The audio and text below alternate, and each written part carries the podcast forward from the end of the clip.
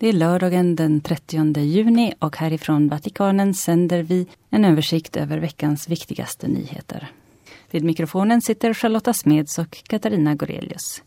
Vi börjar med att se till påvens Angelus förra söndagen på Johannes döparens födelsedag.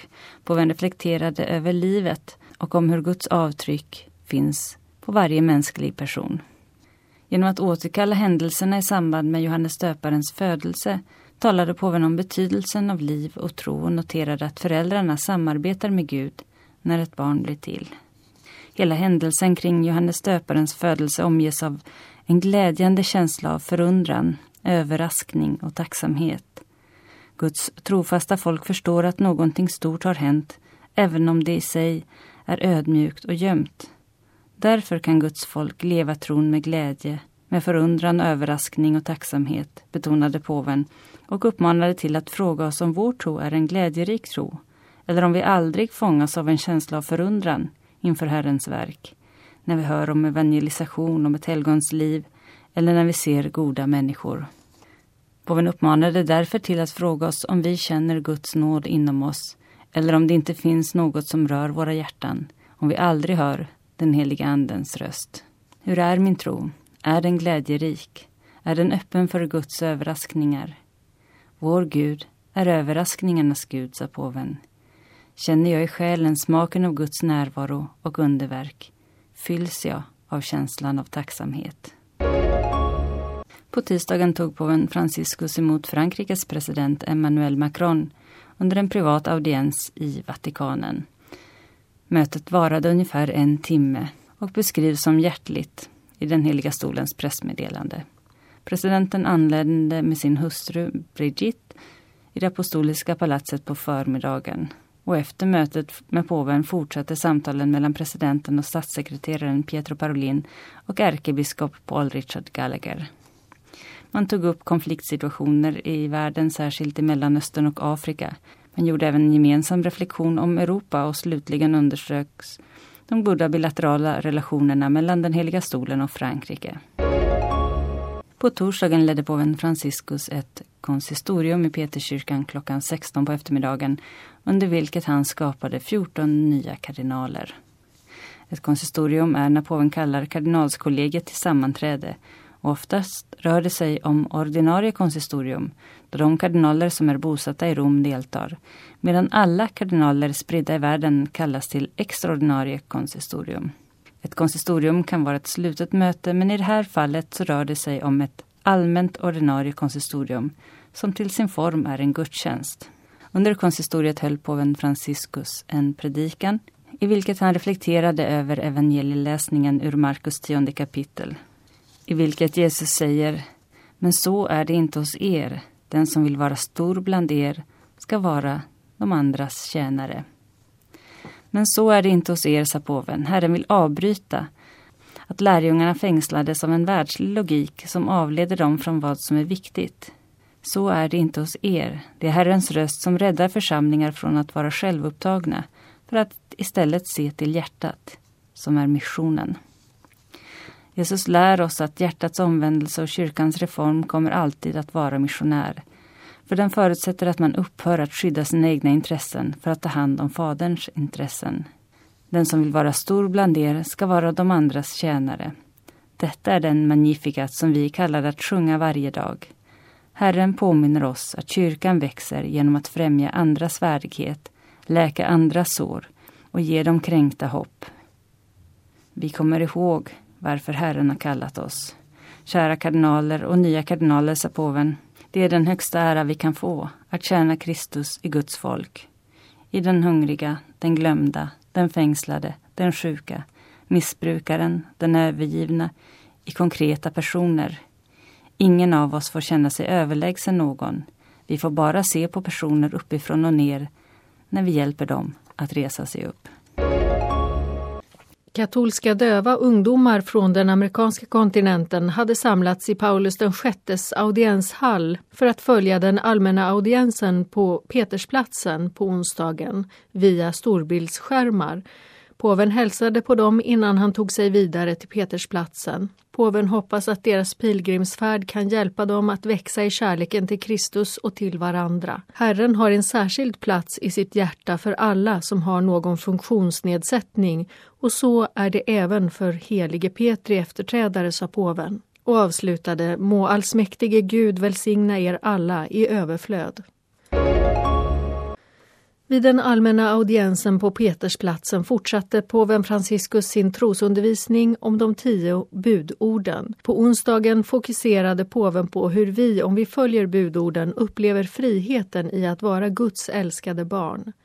Påven sa sammanfattningsvis Kära bröder och systrar, under vår pågående katekes om budorden går vi nu till texten i de tio budorden som Moses fick på berget Sinai.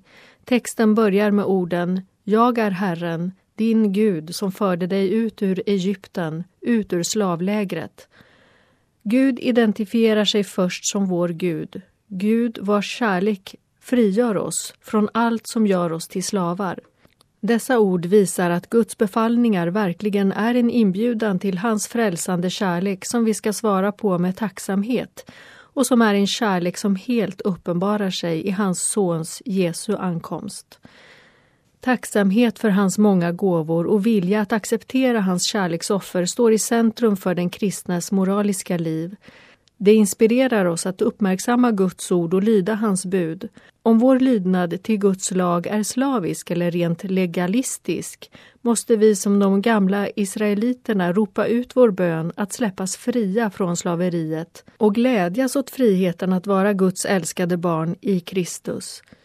Gud vill bryta alla kedjor som binder oss så att vi i kärleksfull lydnad till hans vilja kan glädjas åt sann frihet och liv i överflöd. På tisdagen den 26 juni firades internationell solidaritetsdag för tortyroffer och påven sände med tanke på detta ut ett tweet där han skrev Tortera människor är en dödssynd.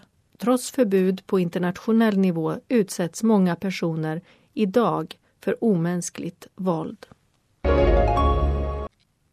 Påven tog emot delegationen från det grekisk-ortodoxa patriarkatet av Konstantinopel som sedvanligt besöker påven vid firandet av Paulus och Petrus den 29 juni som tecken på ekumenisk god kontakt mellan kyrkorna. Då patriarkatet firar sin kyrkogrundare Andreas den 30 november besöker också en delegation från den heliga stolen patriarkatet i Istanbul. I sitt tal till delegationen uttryckte påven sin glädje över att ta emot dem för att hedra våra främsta skyddshelgon som ett tecken på en växande gemenskap mellan katolska kyrkan och det ekumeniska patriarkatet. Strax efter konsistoriet på torsdagskvällen den 28 juni tog sig påven Franciscus tillsammans med de nyutnämnda kardinalerna till klostret Mater Ecclesiae för att möta påven emeritus Benedictus den 16. Där bad de alla tillsammans till jungfru Maria i klosterkapellet och efter en kort hälsning välsignade påven emeritus dem.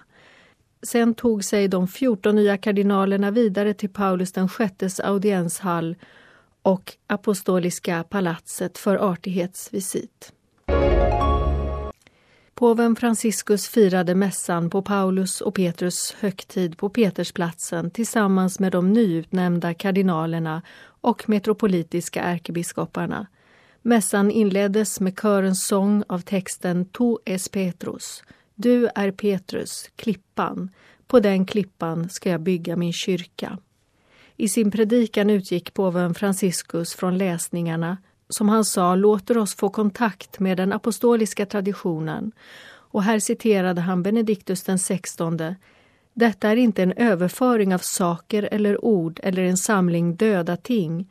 Traditionen är den levande floden som fogar oss till ursprunget och den levande floden där ursprunget alltid är närvarande. Påven sa vidare, de ger oss nycklarna till himmelriket. En ständig och alltid ny tradition som ger nytt liv och uppfriskar evangeliets glädje och på det sättet låter oss med våra läppar och hjärta bekänna Jesus Kristus är Herre, Gud Fadern till ära. Påven sa att denna barmhärtiga kärlek ber oss att gå till alla livets hörn för att nå alla, även om detta sker på bekostnad av vår bekvämlighet.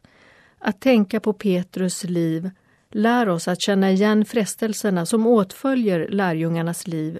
Liksom Petrus kommer vi som kyrka alltid att frestas av elaka viskningar som blir missionens stötesten. Och jag kallar det viskningar för att det är den onde som förför i det dolda.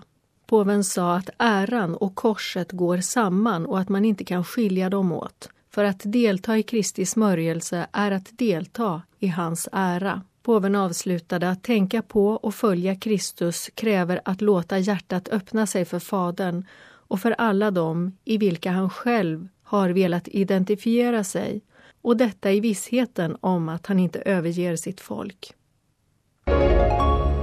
Den italienska organisationen Läkare med Afrika, QAM, firar sin 50 år långa verksamhet i Tanzania. Ett långt arbete och en konstant närvaro med hjälpen av tanzansk personal och i samarbete med sjukhusen och de lokala myndigheterna. 50 år tillsammans för allas hälsa.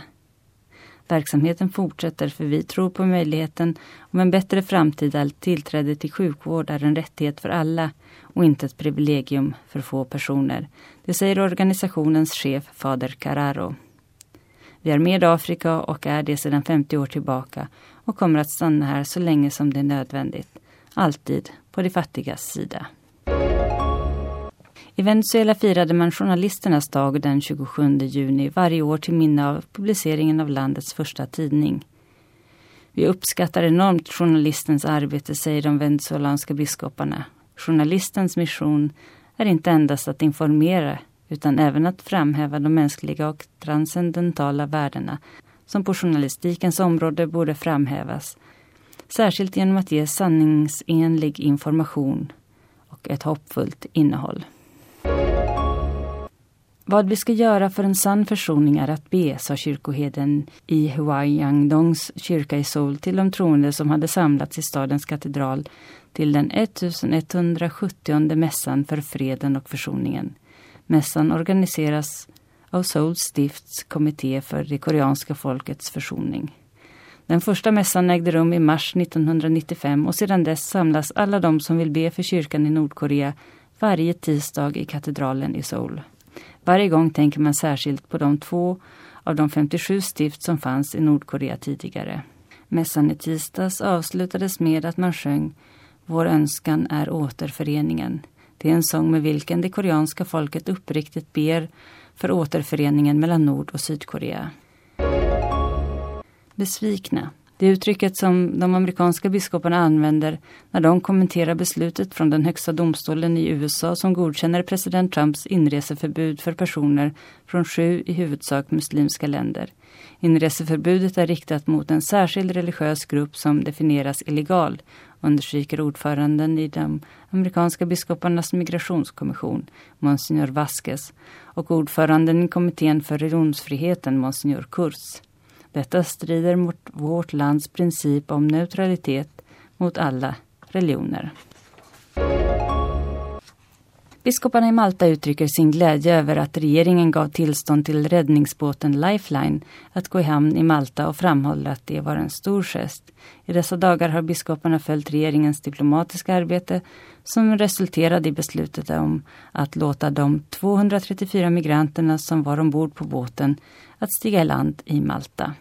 Vi inser att det inte var ett lätt beslut, säger biskoparna, men det var nödvändigt att göra allt man kan för att garantera att alla migranter räddas.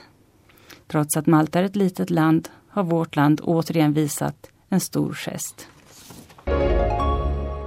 Caritas Indien ställer upp i hjälparbetet över översvämningarna som har drabbat staterna i nordöstra Indien och Kerala. Över tusen byar har hamnat under vatten och 650 000 personer har förlorat allt. Det handlar om människor som till största delen arbetar i jordbruket eller i teplantagerna och därför har förlorat alla sina försörjningsmedel.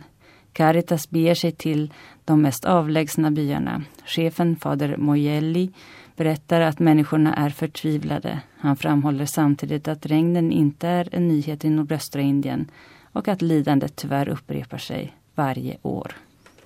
Hos den peruanska biskopskonferensen inleds den 2 juli ett informationskontor för venezuelanska migranter. Biskoparnas ordförande, Monsignor Cabrellos, sa på presskonferens att man på detta sätt vill bidra till att lösa problemen för alla venezuelaner som emigrerat till Peru. I Uganda kommer det att upprättas en ny katolsk tv-station. Det meddelade ordföranden i landets biskopskonferens, Monsignor Gulu, efter den årliga plenarförsamlingen häromdagen. Den nya tv-sändaren kommer att främja evangeliseringen och människans helhetsutveckling. Och det var alltså en sammanfattning av veckans viktigaste nyheter. Och vi hörs igen om en vecka. Laudetur Jesus Christus.